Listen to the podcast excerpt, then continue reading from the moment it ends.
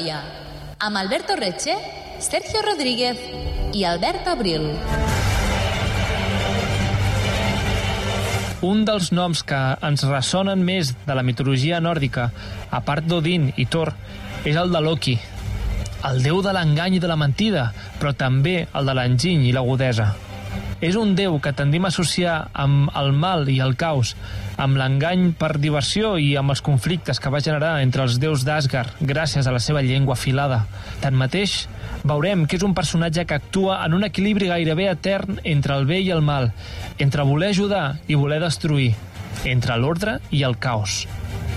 Avui, a les portes de Troia, parlarem sobre les aventures d'un personatge interessantíssim, un déu que té un lloc preeminent en el panteó escandinau, però no acaba de tenir un paper concret. Un personatge que comet actes malvats, però gairebé sempre des de la bondat. Benvinguts a les aventures de Loki. Benvinguts a les portes de Troia.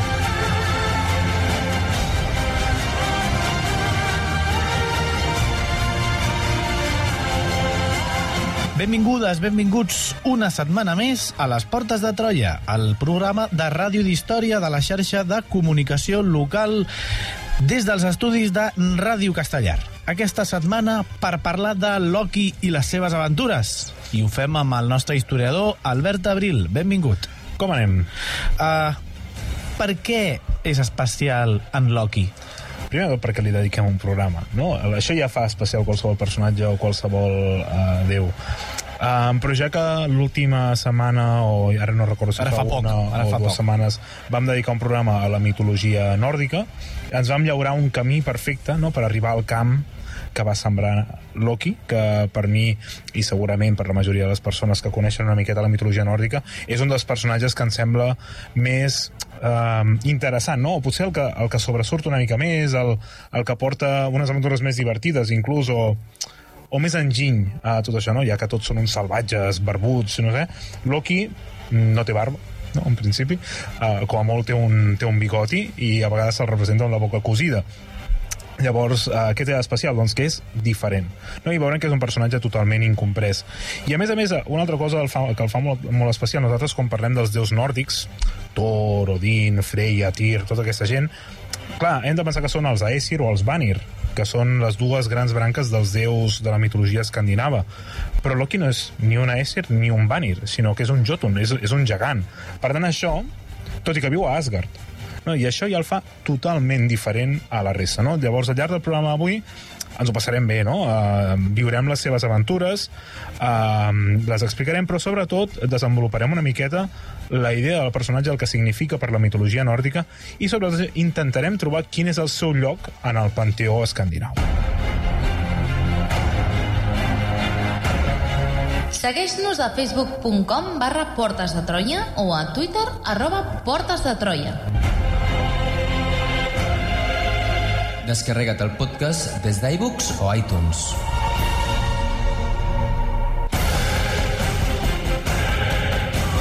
I descobreix tots els continguts del programa a la nostra pàgina web www.portesdetroia.cat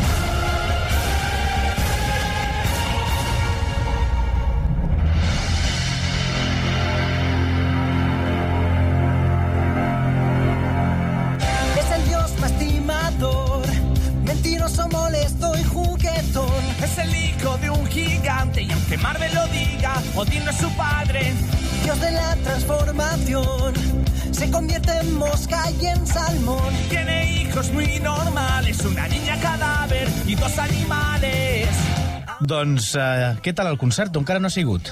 Uh, encara no ha estat el concert. No, Ah, no, no. val. No, no, no, no t'avancis. Però ja que ho comentes, no? Mm. hem començat el programa amb una altra cançó de Distripando la Història, aquest cop um, de Loki, que aquí només hem posat un fragment, però us animo, us animem des d'aquí a la ràdio a escoltar-la sencera, perquè és, uh, són molt divertits, no? Um, I a més, les il·lustracions de les cançons, dels vídeos i tot és, és fantàstic. I a més, sense voler, amb una cançó de dos minuts, doncs ja aprens, ja tens una píndola no? de, de mitologia nòrdica.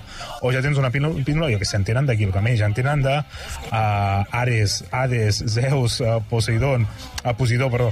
Um, és a dir, que tenim mm, un gran repertori d'elements mitològics i literaris allà al YouTube i, bueno, i són fantàstics, són molt divertits. I si us fixeu, a l'últim programa de, de la mitologia nòrdica vam escoltar la d'Odin, que té un toc més així de power metal, més d'epic metal.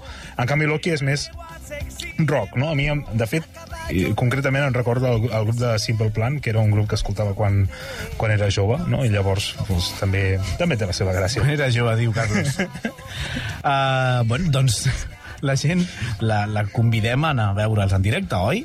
Aquí, en els de Simple Plan. A destripa, destripando la història. Uh, òbviament, els, convi els reconvidem. És Els que sembla que ens estiguin patrocinant. Bueno, no, però ja està bé, no? Sí, sí, sí, tant Nosaltres, eh, vull dir, les coses quan estan ben fetes... Distribuïm qualitat. És igual, vull dir, els hi fem la promoció que faci falta. Dir, Aquí som nosaltres, un petit podcast. Uns pargueles. Ja Sí. està. Per tant, escolta, doncs, Els la gent que no els hagi descobert, descu eh, destripando la història, doncs... Descobriendo la història. Destripando la història. No arrencarem. eh? Els, pod- els podeu doncs, descobrir i, i, i aleshores, eh, si us agraden, hi ha entrades encara disponibles, esperem que sí, i si no, doncs mala sort, us Sí. espereu una altra vegada. Si I no malament per en Carlos, que crec que, que també hi volia anar. Vaja.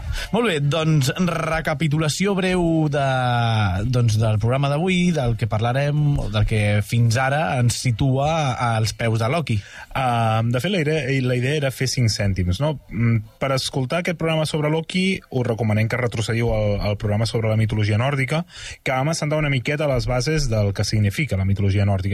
No, vam, no ens vam centrar gaire en, el, en la cosmogonia, en els déus, en les aventures, en les llegendes, però el que sí que vam fer va ser uh, posar les cartes sobre la taula. Uh, vam dir d'on prové tota la idea que tenim actual, uh, la idea actual de la mitologia nòrdica, ens vam, vam fer una lliçó d'humilitat, no? Uh, sembla que sapiguem molt de la mitologia nòrdica, però és que en realitat hi ha molt poc a saber.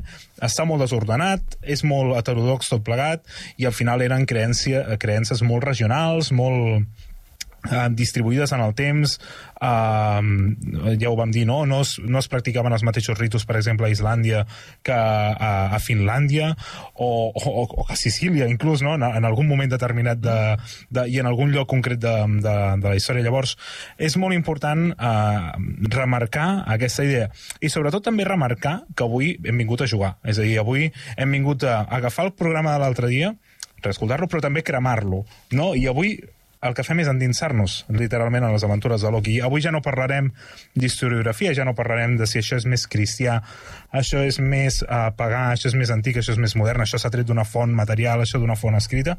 Avui anem a relatar aventures. Avui venim a, a passar-nos-ho bé amb el nostre protagonista avui, que és el déu de l'engany. Doncs molt bé, farem un abril amb l'Albert Abril, triple salt mortal i a veure què surt, i aleshores, doncs, després d'aquest disclaimer, d'aquest anunci del que ens trobarem, quin és el titular sobre Loki que es resumiria tot plegat, Albert? El titular fàcil és l'engany, és la mentida, és que és el déu dole- dolent, entremaliat, etc. Però jo sempre he pensat que és un déu incomprès. I penses molt en això, no? I penso, jo, saps allò de quan, quants cops penses en l'imperi romà? Ara està molt de moda. Està molt de moda. Doncs jo... Jo hi penso diverses vegades. és Tinc, que tenim nosaltres... un problema. Clar, és que... L'altre dia els meus amics m'ho van preguntar. Diu, quan, quan penses en l'imperi romà? Jo vaig dir, mínim dos cops al dia, dos o tres al dia. Però és que això és un problema. Però amb Loki, por També. ahí. Potser, amb potser Loki, no tant. només amb Loki. Potser, no, o sigui, no. tu amb Loki... És que és divertit. I a més, Marvel està fent molt bona feina amb les dues sèries, ai, amb les dues temporades de la sèrie. I llavors, bueno, que està a punt de sortir la segona temporada, de fet, quan estem gravant aquest programa, Val. uh, i tinc moltes ganes de que surti, perquè la primera em va, em, em va encantar. Perfecte. Llavors Loki és un personatge que em, em tira, em tira. Ens estàs posant uh, les expectatives de Loki molt altes. Has de complir amb aquesta aventura, eh? Intentarem, ho intentarem. Molt bé. A veure, continuant amb el Un titular. incomprès. Un incomprès. Um, sobretot també la idea de que és un personatge uh, bastant complex i alhora també ambigu. No l'hem de classificar com un déu dolent, ni, ni sempre mentider, com si fos blanc i negre, no? Fugim d'aquesta dualitat. No és ni bo ni dolent, ni, ni mentider, ni, ni fidel. És un personatge que sempre es mou, no? Tot, tot i que tendim sempre a associar-lo amb la maldat i la mentida, és un personatge que sempre oscil·la uh, entre la col·laboració amb els déus, vetllant per l'ordre, i la col·laboració amb el caos. No necessàriament col·laborant amb enemics d'Asgard, sinó amb el caos en general. Um, dient unes males paraules o dient una mentida o, o fent una broma de mal gust contribueix a potenciar aquestes forces dolentes que el que fan és enfrontar-se a l'ordre que intenten mantenir els, els déus d'Asgard. Uh, és un personatge molt curiós, perquè té un lloc únic en el panteó nòrdic. Uh, clar, de fet, si nosaltres pensem en el panteó nòrdic, ens venen al cap els, els, to, el top 3 són Odin, Thor i Loki. A part tenim Freya, Tyr, Freyr, Baldur, eh, tots els que vulgueu. Però és molt curiós perquè nosaltres sabem que Odin té aquesta funció, té aquests atributs. Thor eh, encara més, però Loki només l'associem amb l'engany. I no és del tot així, és a dir, forma part del top 3 del panteó nòrdic, però no té una funció concreta, una, fun una funció eh, determinada. Llavors, ja per acabar amb aquesta pregunta més inicial, uh, és un personatge que veurem que està constantment liant-la, i a més és, és, és molt divertit, eh? Um, la, la lia, però sempre té la voluntat d'arreglar-ho. No? La torna a liar, però sempre ho intenta arreglar. O els dos es posen en un problema, tranquils, que la capacitat intel·lectual o l'intel·lecte o la rapidesa o la, o la llengua o, o l'eloqüència de Loki us salvarà menys en un moment que ja la lia per venjança i per destruir els déus Gar- d'Asgard, que ja ho anirem explicant. Però jo penso que és, és quedem-nos amb aquesta idea, no? És un personatge que es mou en la fila línia, oscil·la entre el caos i l'ordre. Què en sabem de la família de Loki? Um, com ja hem dit abans, Loki no és ni un Vanir ni un Aesir. Um, de fet, és uh, un, uh, un Jotun. Ell ve de Jotunheim, del regne dels, dels gegants. Um, de fet, els seus predecessors eren gegants. El pare, uh, en, Farba, en Farbautu, i la seva mare, la Laufi, o la Laufey. Uh, ell tenia dos germans i juntament amb la seva esposa uh, Sigyn va tenir dos fills, uh, Nari i Vali. Per tant, tenim Loki, Nari i Vali, que són, que són això, el, els seus fills.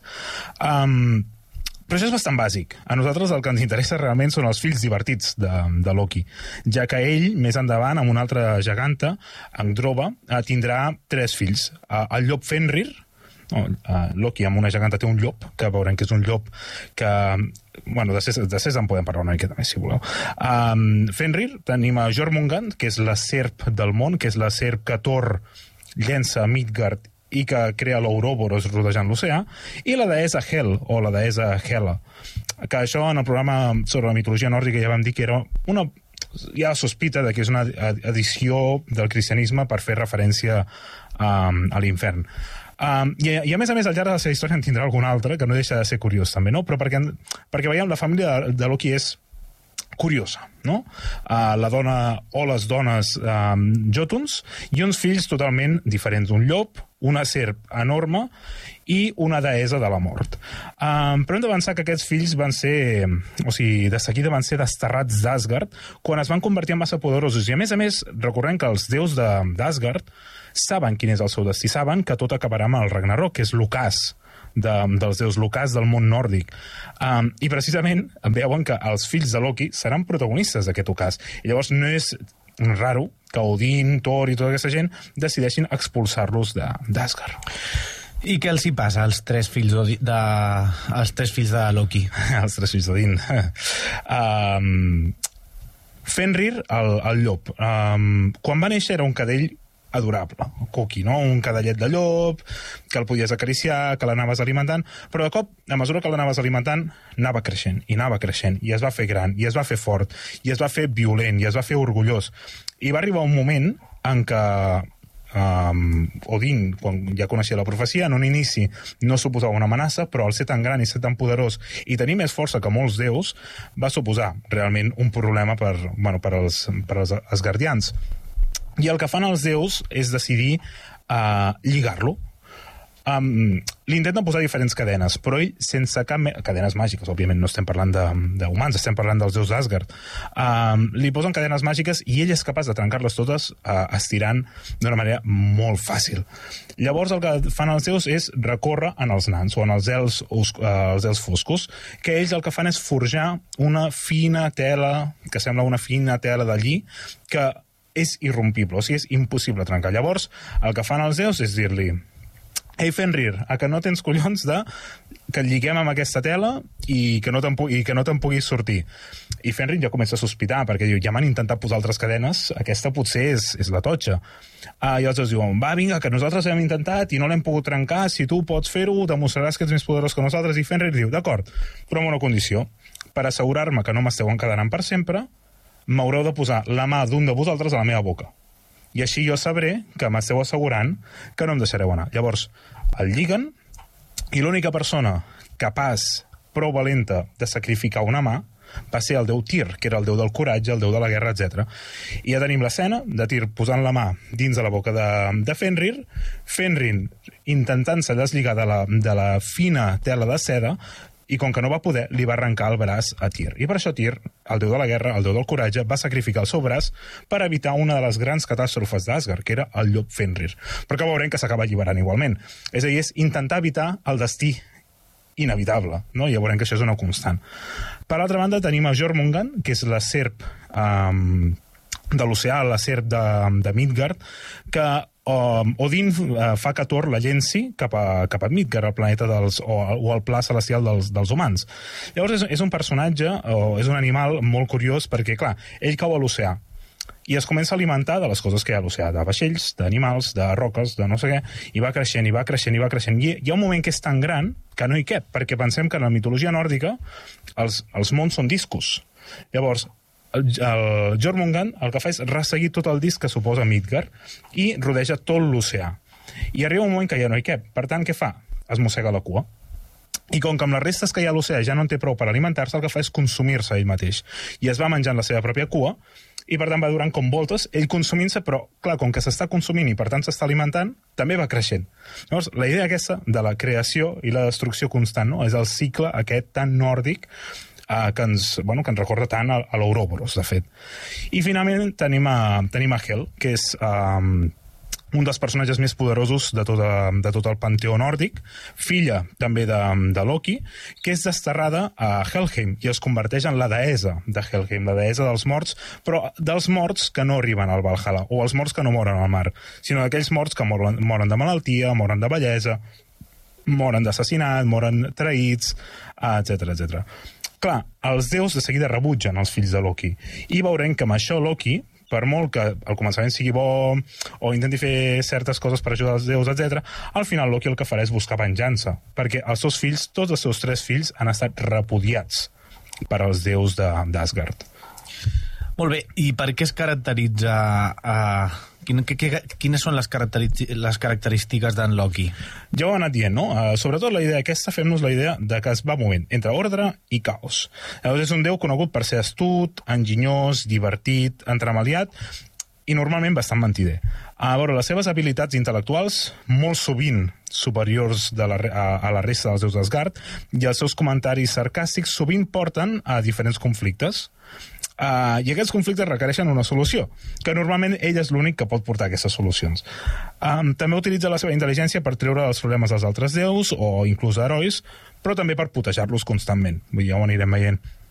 I a més a més, també sabem que és capaç de canviar d'aparença sense cap mena de problema i això l'ajudarà a solucionar conflictes, però també a crear-ne. Vull dir, es pot convertir en salmó, es pot convertir en mosca, es pot convertir en una vella anciana, es pot convertir en, en, en una euga, no? ja, ja ho anirem veient. Uh, però al final la idea és que Loki té una relació bastant complicada amb la majoria dels déus Aesir i, i Vanir, però també és capaç de col·laborar amb ells i treure'ls de diferents problemes. Ens havies promès aventures. Som-hi a les aventures. Doncs vinga, per quina comencem, va? Comencem per una de les més conegudes, que potser és la... com es va construir la, la muralla d'Asgard. Endavant. Um, aquí hi ha diferents teories. Um, jo he agafat, bueno, diferents teories, diferents versions del mite, òbviament. He agafat la que m'ha semblat més uh, interessant. Um, hi va haver una guerra fa molts, molts segles entre els uh, Aesir i els Vanir, i és una guerra que al final va acabar en reconciliació. Vull dir, al final els, els, les dues tribus de déus es van reconciliar i van decidir viure en harmonia. Però el problema és que les muralles d'Asgard van ser destruïdes. Això feia que la llar dels déus eh, fos vulnerable davant, davant la, les amenaces exteriors, sobretot les amenaces de Jotunheim, dels, dels gegants de gel. Um, per reconstruir-les, els Aesir van contractar els serveis d'un personatge misteriós, però que en realitat era un gegant disfressat. Dir, això els enganys i les disfresses veurem que és una constant en les, en les històries nòrdiques, eh? Um, perdoneu, el, el gegant disfressat, que òbviament els déus no sabien que era un gegant disfressat, aquest personatge misteriós va acceptar fer l'encàrrec en un plaç de tres estacions, però només amb una condició. Si ell aconseguia construir tota la muralla d'Asgard en tres estacions, li havien d'oferir el sol, la lluna, ojo, i a més a més la mà de la deessa Freya, que era la més vella, la deessa de la fertilitat, de la sexualitat, etc. I clar, i els déus davant d'aquest preu es van mostrar mo, es van mostrar molt reacis a l'oferta. Però, com o no, Loki el que va fer va ser animar-los. Però vinga, va, que és una oportuni- oportunitat única. Com voleu que amb només tres estacions construeixi la gran muralla d'Asgard, que és la llar dels déus, ha de ser una muralla perfecta. I, de fet, Loki va pressionar, es va burlar dels déus per covards, etc, fins que els déus es van deixar embatossar i van acceptar el contracte. Òbviament, tots pensaven, sobretot impulsats per, per les idees de Loki, que el constructor mai acabaria eh, l'encàrrec en el plaç acordat, recordem, tres estacions, i que, per tant, construirien una muralla, una muralla per, per Asgard gratis. Ningú estava... O sigui, fixeu-vos com eren els déus d'Asgard. No volien pagar res per la muralla d'Asgard, que és eh, la, la millor muralla que s'ha construït mai en tota la història de la mitologia nòrdica. No volien pagar res. Um, I a més a més es volien burlar d'aquest estranger. I a més a més havien sucumbit a les, a les burles de, de Loki. Però estem parlant d'Asgard i, per tant, Loki sembla que té les de guanyar, oi? Mm, El constructor no podria acabar les muralles en tres mesos. Clar, sembla, tot apunta a que, a que no, a que un constructor sol és impossible que acabi aquestes muralles en, en tres mesos o en tres estacions. Però resulta que el constructor tenia un cavall fantàstic. Era un cavall que era capaç de transportar gairebé instantàniament masses increïbles de roca. I aquesta meravellosa bèstia s'anomenava Svaldifari. Svaldifari. Això. Um, tan bé feia la seva feina que pocs dies abans del final del plaç la fortificació estava gairebé acabada. I davant d'això, òbviament els déus, que van ser ells els que havien acceptat el contracte, li van retreure Loki. Estaven molt nerviosos i tots van increpar Loki dient-li veus com sí que ha tingut temps, no li haurien d'haver entregat Freya, no li haurien d'haver donat el sol i la lluna, perquè està a punt de complir el contracte en el plaç acordat. Um, ell els havia convençut uh, d'acceptar el pacte, per tant, ell era el responsable, i per tant, ell, Loki, era l'encarregat de lliurar-los d'aquesta situació. I com estem parlant de les aventures del Loki, hem d'esperar alguna eh, reacció sorprenent. Uh, exacte. Uh, temerós de les seves... Uh, temerós de la fúria dels déus, uh, Loki el que va fer va ser transformar-se en una preciosa euga.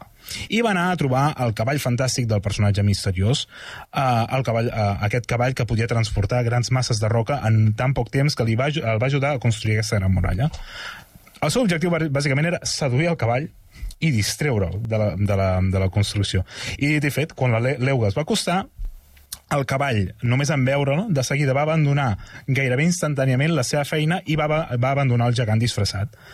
Um, el, el gegant, sol, òbviament va ser incapaç d'acabar l'obra en el plaç establert. I els déus es van burlar d'ell. Li van dir, mira, ens has construït la muralla, ja et dèiem nosaltres que no ho aconseguiries, i a més a més ens has construït la muralla gratis.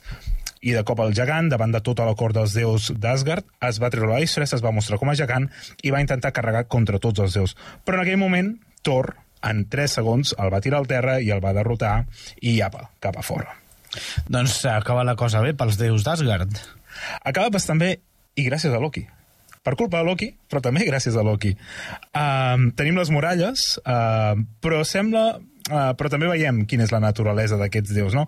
Tenen una muralla gratis, se'n riuen del, del constructor, s'arrisquen, estan a punt de donar a Freya uh, com a recompensa a un constructor, etc. Però el més interessant no és això, no és que la muralla la tinguem acabada, sinó és, molt bé, els déus tenen la seva muralla, però i Loki? On ha anat l'Euga? Què ha fet, què ha fet amb, el, amb, el, amb el cavall? Loki va dur la seducció molt enllà. Uh, I Loki i el cavall del constructor van consumar la seva atracció i temps després Loki donaria llum a un cavall anomenat Sleipnir, que era un cavall de vuit potes. És, és a dir, imaginem-nos, Loki, transformat en una euga, té relacions sexuals amb un cavall mascle, Loki es queda embarassat i pareix un cavall de vuit potes. I aquí tenim un altre fill de Loki. De, és a dir, després de tenir un llop, després de tenir una serp enorme, després de tenir la deessa de la mort, ara té un cavall de vuit potes. I què farà Loki amb aquest cavall de vuit potes? Doncs, curiosament, és l'únic fill de Loki que és acceptat, l'únic fill de Loki no antropomorf, per dir d'alguna manera, perquè recordem que té dos fills que són Jotun. Um, el que va fer Loki amb aquest fill és regalar-lo a Odin. I Odin, amb molt gust, cavalcava aquest cavall tot el firmament de les estrelles. A les portes de Troia. La història a la ràdio. Descobreix tots els continguts del programa a www.portesdetroia.cat.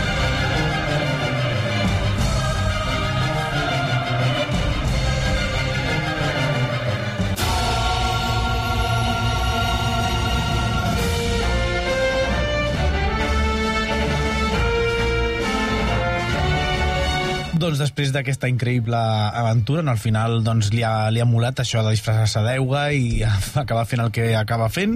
Passem a una altra aventura d'en de, Loki. Ara qui, quina ens explicaràs, Albert? Doncs amb el tema principal de l'Age of Mythology comencem l'aventura la, que va viure amb l'aposta amb els nans. I a més a més, és una història molt important per la mitologia nòrdica perquè ens explica l'origen del Jolmir, que és el matell tan poderós de, i que caracteritza tantíssim el déu Thor. Um, un dia, mentre Sif, la dona de Thor, dormia, Loki li va donar per anar allà i tallar-li els cabells. Ah, mentre Sif dormia, Loki s'acosta i li rapa el cap, literalment. Clar, quan Thor se n'adona i descobreix que um, va, ser, va, ser, uh, va ser Loki, literalment ens diuen les fonts que va estar a punt de trencar tots i cada un dels ossos de Loki. Eh, veiem que Thor també és de reaccions eh, violentes. No? Thor és, és un bèstia, Loki és el cervell, no? en, aquest, en aquest sentit.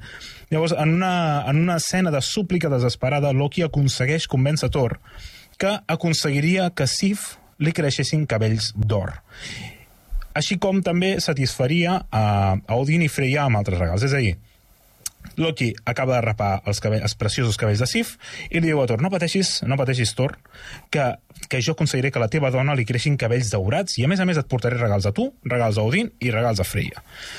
Per aconseguir-ho, uh, Thor el que fa és anar a buscar els millors ferrers de tot l'univers escandinau. Uh, I anirà a buscar els els foscos o els nans de Svartalheim. Um, ell va a buscar els coneguts fills d'Ivaldi, perquè eren... Um, famosíssims ferrers, eh, creadors d'artefactes màgics, i els hi va demanar que fessin uns cabells d'or per la Sif. I a més a més també els hi, va, els hi van carregar uns regals perfectes per Freya i per Odin. Què passa? Tot això podria haver anat molt bé, perquè aquests, uh, aquests fills, aquests germans, podrien haver treballat, podrien haver aconseguit el cabell d'or i uns regals preciosos per, per tothom. Però Loki és... Bueno, s'avorreix i llavors necessita exercitar la seva vanitat. Um, Loki es dedica a presumir davant d'altres nans que, del seu encàrrec. No diu que amb els fills d'Ivaldi aconseguiria els millors regals per als déus d'Asgard. I diu, davant dels nans, i cap nan cap més, cap més nan serà capaç de crear uns regals, uns regals tan vells com aquells i per fer-ho més emocionant encara, per posar un repte encara més guai, diu, i si hi ha algun nan que aconsegueix crear uns regals millors que els fills d'Ivaldi, es pot quedar al meu cap. És a dir, aposto al meu cap sobre tot això. És a dir, Loki estava seguríssim que podria uh, que, que, que podria compensar les seves entremaliadures amb la dona de Torre, amb els regals, de, amb els regals dels fills de, de, de, del, ferrer, del ferrer nan. I per això estava tan segur, i a més a més s'avorria tant, que va dir, doncs anem més enllà. I si algú fa millor, el, el meu cap és seu. Carai, mm, però ja ens podem imaginar que la història no pot anar tan lineal. Algun entrebanc ens trobarem pel camí. Exacte. Després de fer aquesta aposta arriscada, eh, després de posar el seu cap de, de déu o, o de gegant, si voleu, entren dos personatges en joc. Uh, quan ell fa aquesta manifestació i diu ningú més podrà, cap altre nan serà capaç de forjar uns regals tan preciosos, apareixen dos noms. Brock i Sindri, que eren dos nans ferrers rivals dels fills d'Ivaldi. Llavors, a Brock i Sindri el que fan és acceptar el repte i de seguida es posen a treballar la seva forja. Um, van utilitzar pell de porc, pell de porc per fer l'ofrena a Freya, or per fer l'ofrena a Odin i ferro per fer el regal, a, el regal a Thor.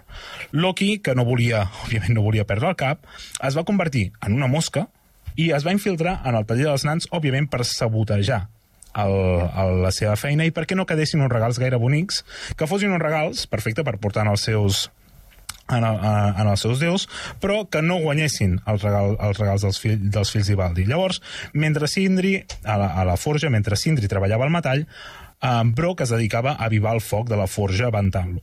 Primer el que va fer Loki, va ser, eh, òbviament, disfressat de mosca, o convertit en mosca, va ser picar el braç de Brock. Però aquest sí que gairebé no es va immutar i va continuar treballant. I van aconseguir el primer, el primer, el primer regal, l'ofrena a Odin, que recordem que l'havien treballat amb or. El Draupnir, que és, bàsicament és un anell d'or que el, que el que feia cada nit és que cada nit produïa 8 anells més iguals. I a més a més exactament amb el mateix valor. O sigui, imagineu-vos uh, quin, quin regal. Um, després va picar a Brock un altre cop a la galta. Però Brock, impassible, immutable va continuar fent la seva feina. I va, van aconseguir produir el regal de Freya que bàsicament, com que s'havia fet amb pell de porc van construir un porc senglar fantàstic que uh, volava, que il·luminava tots els espais foscos, etc. O sigui, us podeu imaginar quina gran construcció els dos nans de moment sembla que en Loki no està aconseguint eh, ficar aquí mm, pedres a la sabata dels nans, no? Exacte, de fet sembla que Loki eh, està a punt de perdre el cap, perquè els regals que s'estan produint en aquesta forja són eh, brutals. Uh, Loki s'arrisca més. En comptes de picar la galta o picar el braç de Brock, el que fa és picar-li la parpella. I ara sí, Brock, quan li pica la parpella, es rasca, es rasca la parpella, i just quan s'atura per rascar-se, uh, això es notarà en la producció que ha fet. Perquè la producció final era el regal a Thor, que s'havia fet amb ferro. I el regal a Thor és el Jolmir, el martell de Thor. Però si us fixeu, el, el famosíssim martell de Thor, com que Brock es va despistar un moment, el martell de Thor té el mànec curt. Per tant, estem parlant d'un martell que és molt potent, però té el mànec molt curt. I això és arran de que es va distreure un, Brock es va distreure un moment a rascar-se la picada que li, li havia fet Loki en forma de mosca. Doncs ara ja tenim tres regals. Ara toca passar comptes, eh, imagino. Clar, uh, Loki torna a Asgard, i Loki torna a Asgard amb un total de set regals. Per una banda, la cavallera d'or, per la dona de Thor. Uh, I per altra banda, dos regals per Freya, dos regals per Odin i dos regals per Thor. Recordem, uns regals produïts per als fills d'Ivaldi i uns regals produïts per Brock i Sindri. Um, a Freya li regalen uh, un vaixell que quan aixequés la vela sempre tindria el vent a favor i sempre hi cabrien tots els déus amb les seves muntures. Però, a més a més, el vaixell es podria plegar com un mocador i, i Freya se'l podria posar a la butxaca. Eh? Per tant, és com les càpsules Hoi doncs, però amb, amb, un, amb forma de vaixell. Um, a Odin li va, li va regalar Gungnir, que és la llança amb la qual sempre representa Odin, que és una llança que sempre trobava el seu objectiu. I finalment a Thor se li va entregar la cavallera d'or uh, per a. Uh, aquesta cavallera d'or, quan es va col·locar en el cap rapat de Sif, de seguida va arrelar i van començar a créixer cabells d'or amb total normalitat.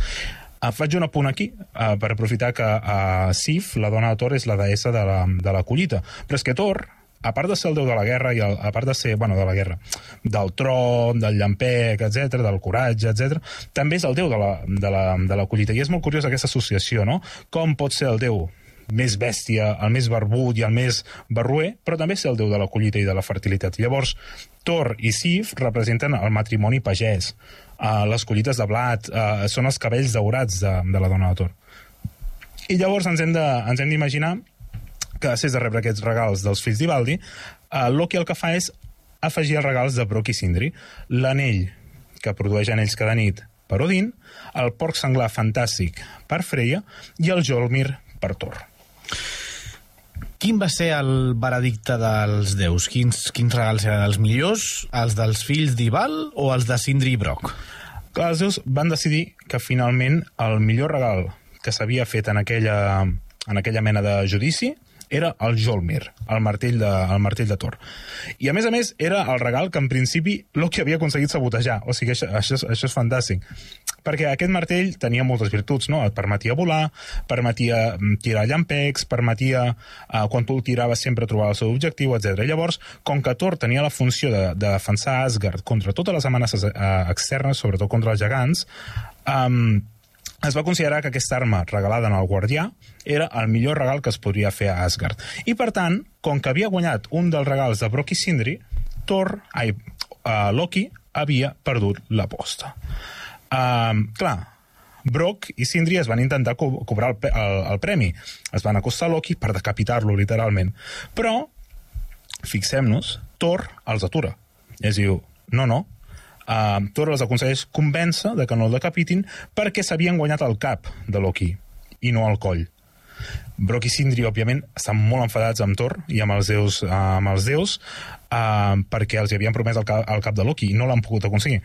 Però sí que Brock el que fa és cosir els llavis de Loki perquè mai més tornés a enganyar ningú. Mm? Um, de fet, l'única imatge rúnica que conservem de Loki, o l'única imatge que podríem, dir, eh, que podríem dir que és una font primària arqueològica, és a la pedra de Snaptun, que data més o menys de l'any 1000, on apareix un, un personatge que té els llavis cosits i porta bigoti.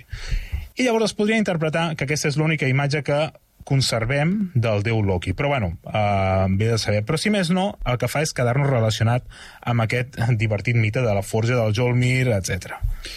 Molt bé, déu nhi eh, amb aquest Loki. Ara entenem ja tots els oients perquè li estem dedicant un programa.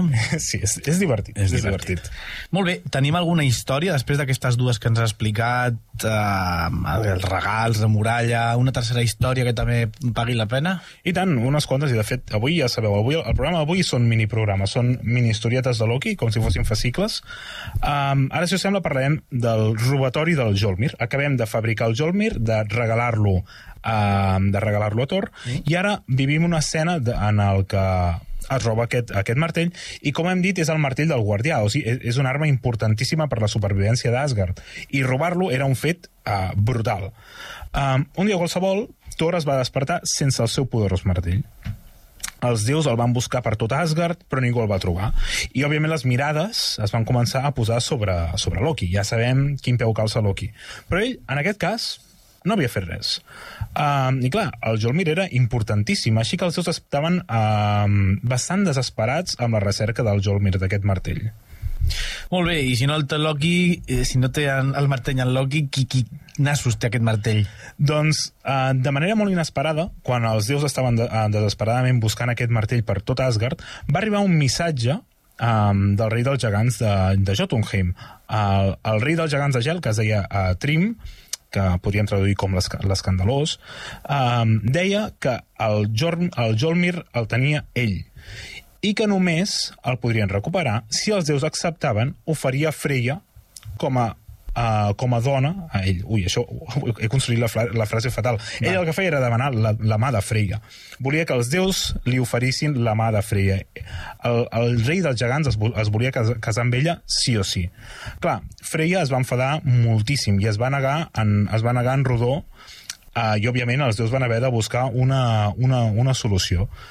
Um, es van tancar a debatre molt temps, uh, era impossible que Freya es casés amb el rei dels gegants, que recordem que els Jotun són els grans enemics dels déus. Um, I finalment, a uh, Heimdall, Heimdall, que és el, el guardià del pont Arquiris, que és el, el pont aquest que permet connectar Asgard amb els altres, amb els altres regnes, uh, va tenir una gran idea. Thor, el déu més barbut, el déu més masculí uh, de tots, es disfressaria de Freya. I es disfressaria de nòvia, i viatjaria a Jotunheim per recuperar el seu martell. Òbviament, a Thor no li va agradar gens aquesta idea, però tots van arribar a la conclusió que era l'única alternativa. És a dir, l'única alternativa és disfressar el barbut de Thor, de núvia, fent-se passar per la deessa de la bellesa i de la fertilitat i de la sexualitat, i enviar-lo a Jotunheim a recuperar el seu martell, fent-se passar eh, i, i recreant aquesta espècie de, de matrimoni. Llavors, és molt divertit perquè ens hem d'imaginar una escena en què tots els déus contribueixen a vestir a Thor de nòvia, de núvia, amb les millors robes, amb les millors joies, li cobreixen, clar, li cobreixen el rostre amb un, amb, amb, amb un vel, i a més a més, com més detalls cerimonials, ojo, aquí també cerimonial nòrdic de, del, del matrimoni, més reien i més ridícul es sentia Thor. Podríem dir que aquest és el moment sobre taula del programa d'avui? Aquest uh... és el ah. moment d'explicació de vermut i de sobre taula? Hauríem de fer una sintonia pel moment de, moment de sobre taula. I explicar curiositats d'aquestes. No, no, ja, la gent... Pues... Hi ha gent que aniria directe en aquell minut. Tothom Exacte. sap al minut 36 o 39 del programa Tu estàs allà amb les olivetes, allà els, els, les escopinyes, i t'estàs fent allò el vermutet i estàs explicant, sabeu que en Tor el van vestir De i nòvia." es reien d'ell, no sé què. No? És el moment de- d'omplir les sobretaules i de nodrir-les de, de cultura, oi que sí? i tant, i de mitologia nòrdica, que sempre va bé. Molt bé, i en tota aquesta història quan entra en Loki? Clar, fins ara només l'han trobat una mica culpable, uh, però no havia fet res important. I, òbviament, si estem parlant d'aventures de Loki, és que té un paper rellevant. Doncs molt senzill, uh, Thor sí que seria vestit de, de núvia, però és que Loki seria, vestida, uh, seria vestit de dama de companyia. Thor aniria com a núvia i Loki com a la seva uh, primera dama. Uh, quan van arribar a Jotunheim, uh, el rei Trim ja havia fet grans preparatius pel casament i la mateixa nit que van arribar ja van fer la celebració per, per unir-se en matrimoni. Llavors, aquest festí també és molt divertit, no? Perquè durant el festí Thor es menja un bou sencer. O sigui, la delicada Freya, la deessa de la bellesa, la, la delicada nòvia del, del, del rei dels gegants del cel, es menja un bou sencer i es veu tres barrils de cervesa. Eh, per què no? No, no, per què no? I tant, i tant, però... Uh, si més no, els gegants de gel s'estranyen. Clar. Eh, es queden bastant horroritzats davant, uh, davant, davant de tot això. I aquí és quan entra Loki. Uh, per aconseguir convèncer-los que això era normal, diu que Freya estava menjant tant perquè, bueno, perquè estava molt nerviosa pel casament, perquè tenia moltes ganes i era una manera de paivagar els nervis, beure molta cervesa i menjar molt bou. Eh, ha, ha sigut una salvada un, de, de pilota de partit que en Loki ha salvat, eh? Sí, ha fet una tirada d'eloqüència i li ha, li ha sortit bastant bé. Um, Exacte, tenim a Loki que el que fa és va salvant aquestes, uh, aquestes actituds de Thor, perquè Thor, recordem, Thor és, és un bèstia. Llavors, um, acompanyat de Loki fan molt bon equip. Uh, I encara en salvarà un altre, perquè en un moment donat uh, el gegant vol fer-li un petó a, a la núvia i li aixeca el vel. I clar, Thor té barba. Thor té els ulls vermells, com la seva barba i com el seu cabell. I a més a més, en aquell moment concret els té encesos d'ira. O sigui, ens hem d'imaginar el gegant mirant els ulls de Thor i pensant per què, per què la núvia té aquests ulls plens d'odi i plens d'ira? I s'està a punt de descobrir tot l'engany. Però de cop Loki diu que la núvia portava tres nits sense dormir perquè estava molt nerviosa pel casament i per això tenia els ulls inflats i vermells. Uh, Trim uh, continua convençut de la veracitat de tot plegat i va demanar que portessin el martell per consumar el matrimoni com a regal de noces. Clar, se suposa que el martell havia estat enterrat set llegües sota terra i en aquell moment desenterren el Jolmir i li entreguen a la núvia, a la suposada Freya, per tancar el matrimoni. I ens podem imaginar que va ser, literalment, situar el martell a la falda de la nòvia i ja us podeu imaginar com Thor n'agafa l'empunyadura i ja no es va poder amagar més. Uh, es despulla allà mateix, es mostra com el déu del tro i literalment ens diuen que massacra a tothom que hi havia en aquell casament, òbviament menja, menja Loki. Per tant, si no és per en Loki, en Thor, el seu martell, poder mai no el recupera. Exacte, i aquest és el ball de Loki, no? L'equilibri, l'engany, la disfressa, el salvar a Loki, ai, el salvar a Thor amb les seves mentides, el seu enginy, etc. Uh, clar, podríem explicar molts més ardits i aventures de Loki, però potser arriba el moment ja de, de posar-nos seriosos i, i parlar sobre un dels grans, uh, un de, una de les grans històries de la mitologia nòrdica, que és la mort de Baldur, que ja veurem que acaba portant el Ragnarok, etc. Um, Odin té diversos fills, però Baldur és el seu preferit. Baldur és el déu de la felicitat, dels somriures, de, de els prats verds, de l'alegria. És, és el déu hippie que tothom s'estima. Però és que, a més a més, fixem-nos que Odin té un altre fill, que és el déu Hot, que és el, és el déu sec, és el déu de la foscor, la dualitat.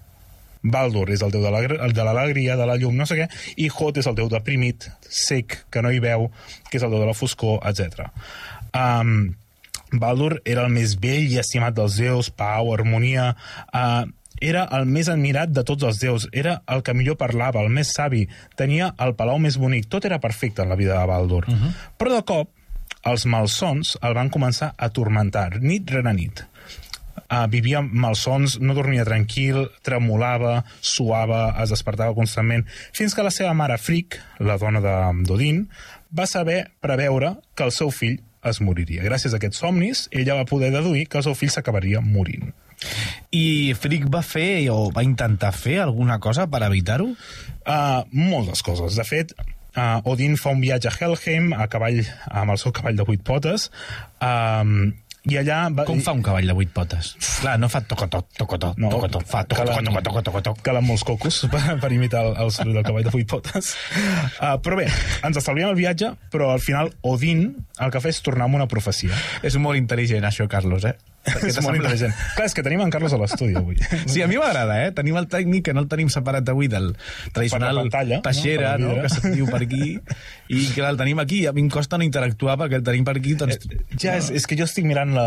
Saps? És, és més difícil. No, no, no, no et farem parlar, no t'amoïnis, però que, que clar, ha rigut amb el tema de humor el, Humor per tots els gustos. Aquí Per tenim per, gustos. per tots els gustos. I tant. Perdona, doncs estàvem amb el... Amb el Amb Odin cavalcant el cavall de vuit potes, anant cap a Helheim, d'on torna amb una, amb, una, amb una profecia, que diu així és Baldur, el molt noble, qui és el següent que vindrà a Helheim i que Hot, el seu germà sec, serà l'instrument de la seva mort. Per tant, ens acaben d'anunciar la mort de Baldur, que a més a més no morirà en batalla perquè no va al Valhalla, sinó que se'n va a Helheim. I sabem que qui el matarà serà Hot, el seu germà sec. Um, Quan el va matar va dir, joder. ja està, perdona. mare... Uau. Estem cansats de la setmana, eh? Ja, ja... Ja em perdonareu, però... Estàs perdonadíssim. Va, doncs endavant. Joder. A part d'entendre que la mort del seu fill seria causada per, per un altre dels seus fills, també va comprendre el, eh, que la mort de Baldur seria el preludi del Ragnarok, de l'ocàs de, de, dels déus. Llavors, eh, estem en un moment que els somnis de Baldur cada cop estan pitjor i són més terribles, i el que havia estat un ésser de llum, un ésser eh, preciós, savi, agradable, bromista, etc va passar a ser un ànima en pena, era terrible, era un tio que no parlava amb ningú, et, et dirigia amb males paraules, estava tot el dia dormit, de mal humor, etc.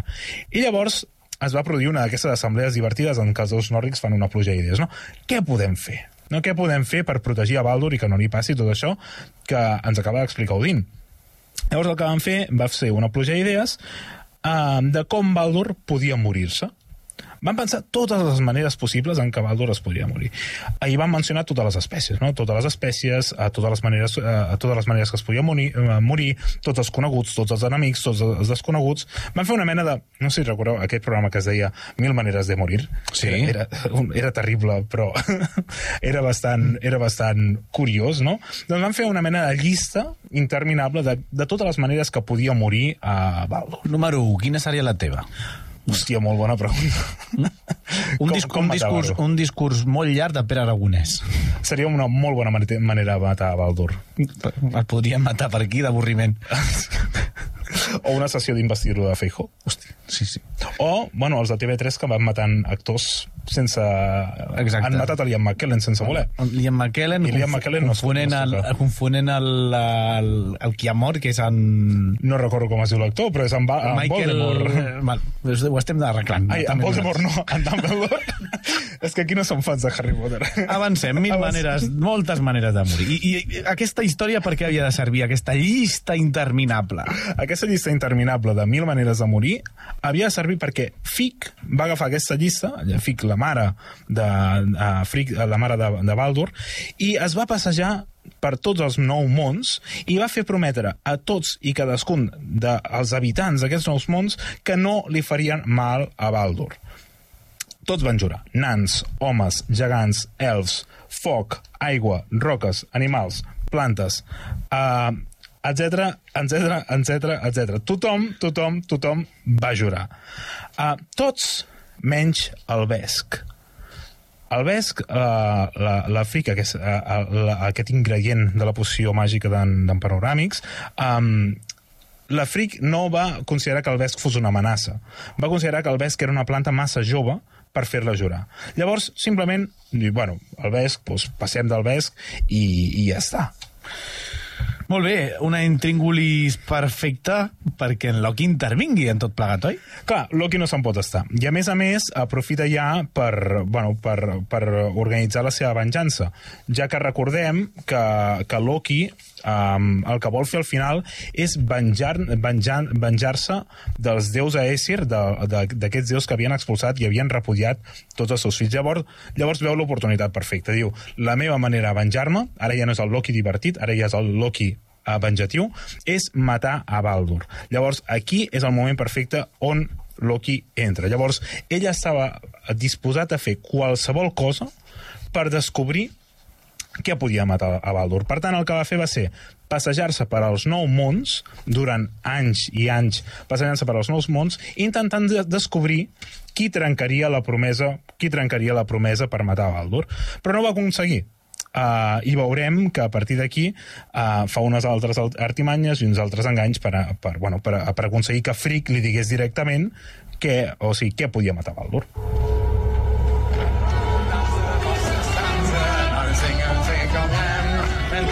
To to the boss and the dancer. When she sings, she sings, come home. When she sings, she sings, come home. Men to dance to the boss and the dancer. I'm singing and singing, come hjem. Men to dance to the boss and the dancer. When she sings, she sings, come home. When she sings, she sings, come home. Recte final, seguim amb aquestes meravelloses aventures d'en Loki. Ja ens has recomanat, a més a més, que la sèrie de Marvel doncs, uh, està molt bé i la gent doncs, que s'estigui enganxant amb en Loki i aquest personatge que ens estàs descobrint avui doncs, té la sèrie com a alternativa, I de, però... fet, I de fet, perdona, Sergio, sí. la cançó que acabem de sentir la canta Loki a la sèrie de Marvel. Ah, perfecte, doncs endavant. Si us ha agradat, doncs, mm, si us ha agradat millors motius no us podem donar. Com va aconseguir que la mare de Baldur li confessés el seu secret més preciat? Uh, Loki fa una, una de les seves transformacions i es transforma en una anciana i es presenta davant de Frick. No para de molestar-la fins que ella no li revela l'única cosa que no va, uh, que no va prometre no faria al seu fill. Finalment, Frick li confessa a Loki que l'únic ésser o l'única cosa que podia matar a Baldur és el Vesk. Llavors, Loki de seguida va sortir disparat cap al bosc i eh, el que va fer va ser recollir Vesk i construir una fletxa, o una llança, normalment una fletxa, amb, amb, aquest, amb aquesta planta. Quan va tornar, es va, o sigui, quan va tornar a Asgard, es va trobar una escena rocambolesca. Tots els déus Aesir estaven reunits en el saló a, a un dels salons sagrats d'Asgard al voltant de Baldur. I no és que estiguessin mantenint una conversa ni res, sinó que l'estaven literalment bombardejant amb tot d'objectes, no? Armes, projectils, boles de foc, espases, destrals, llances, dagues, perquè clar, res el podia matar i s'ho estaven passant bé tirant-li tot de coses i tot d'armes a, a, a, a en Baldur. De nou ens trobem en una situació d'aquestes on tenim els déus nòrdics fent eh, un dels seus costums això tan fantàstics, no tan meravellosos. Sí, són fantàstics i aquestes escenes són recurrents i són molt divertides. Uh, tots reien tranquils, però res podia, uh, res podia ferir l'estimat déu Baldur. No? Baldur, de fet, havia recuperat la seva alegria. Tothom reia i tothom s'ho passava bé, menys el déu sec Hot. Hot. Uh, hot. Loki s'acosta a Hot i li pregunta per què no reia. I Hot, mig trist, li diu uh, jo és que no tinc res per tirar-li al meu germà i tampoc sabria encertar perquè sóc sec i per tant no hi veig. Uh, Loki estava molt content de poder-lo ajudar i li diu, mira, jo et dono un arc i et dono una fletxa. Òbviament, la fletxa que, eh, de Vesc. I jo t'indico cap on has de disparar. I així, doncs, Hot va agafar l'arc, va agafar la fletxa, va carregar i va apuntar en la direcció que Loki li havia assenyalat. La fletxa de Vesc va travessar tot el saló amb una precisió brutal i va travessar el pit de Baldur. El projectil el va travessar per complet i Baldur, el déu més feliç i més estimat, va caure sobre la seva pròpia cara contra el terra del saló. El silenci es podia rascar i el dolor dels Aesir es va fer incommensurable. Hot no podia, uh, no podia veure el que havia fet, però tots els altres déus van començar a plorar, uh, a mirar mirades assassines a Hot, i Loki el que va fer va ser fugir sense fer soroll. Aviam, aquí ha sigut una mica cabron, en Loki. Eh? Ha estat un cabron, ha estat un cabron. I- I... Però ha complert una profecia. Sí, sí, sí, això està claríssim. Ha estat Hot qui ha matat el seu germà. I ja està. Uh, ho hem de deixar aquí en un punt àlgid, eh? perquè passen més coses. Passen més coses, perquè de fet la mort de Baldur és l'inici del Ragnarok. I això també és l'inici probablement d'un programa que en un futur és possible que passi aquí a les portes de Troia. És possible per tant, que passi. Si esteu enganxats a aquestes històries d'en Loki, de mitologia nòrdica, seguiu atents perquè és possible que trobem d'aquí no gaire també un altre programa desenvolupant aquest tema. Moltíssimes eh, gràcies, Albert Abril. A tu, Sergio. En Carlos Lecegui, al qui li agraïm eh, les narracions a l'inici del programa i que és el control tècnic i també aquests dies que ens ha fet de tècnic aquí a les portes de Troia i en Sergio Rodríguez qui us parla doncs, eh, aquí a la, a la presentació. Us esperem la pròxima setmana a un nou programa de les Portes de Troia.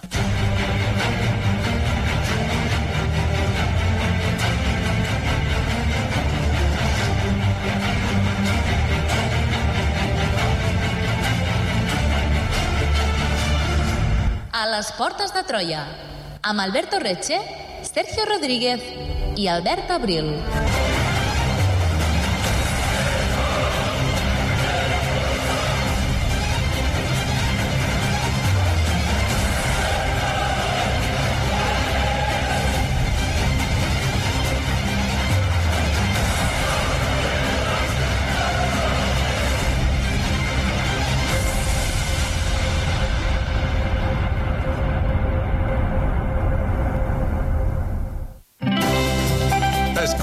Ràdio Seu on i quan vulguis. Entra a l'apartat de ràdio a la carta de la nostra pàgina web i tria allò que més t'interessa de la nostra programació. Els informatius, les entrevistes, els programes musicals, culturals i esportius, la programació especial... On i quan vulguis, Ràdio Seu. A la carta des de la nostra pàgina web radioseu.cat.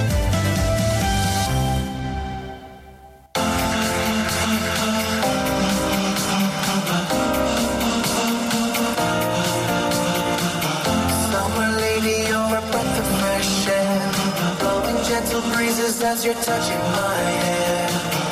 Touch my spirit like the summer moonlight. Kisses on the shore, be my lover tonight. Summer lady, you're a breath of fresh air. Blowing gentle breezes as you're touching my hair. Touch my spirit like the summer moonlight. Kisses on the shore, be my lover tonight.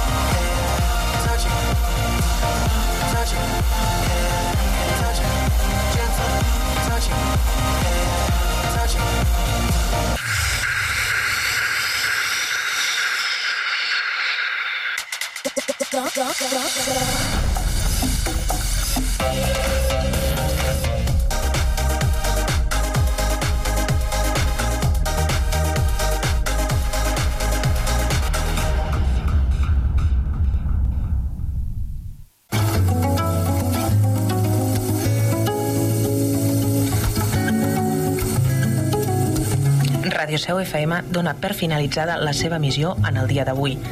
Agraïm la teva escolta. A continuació, et deixem amb Catalunya Ràdio.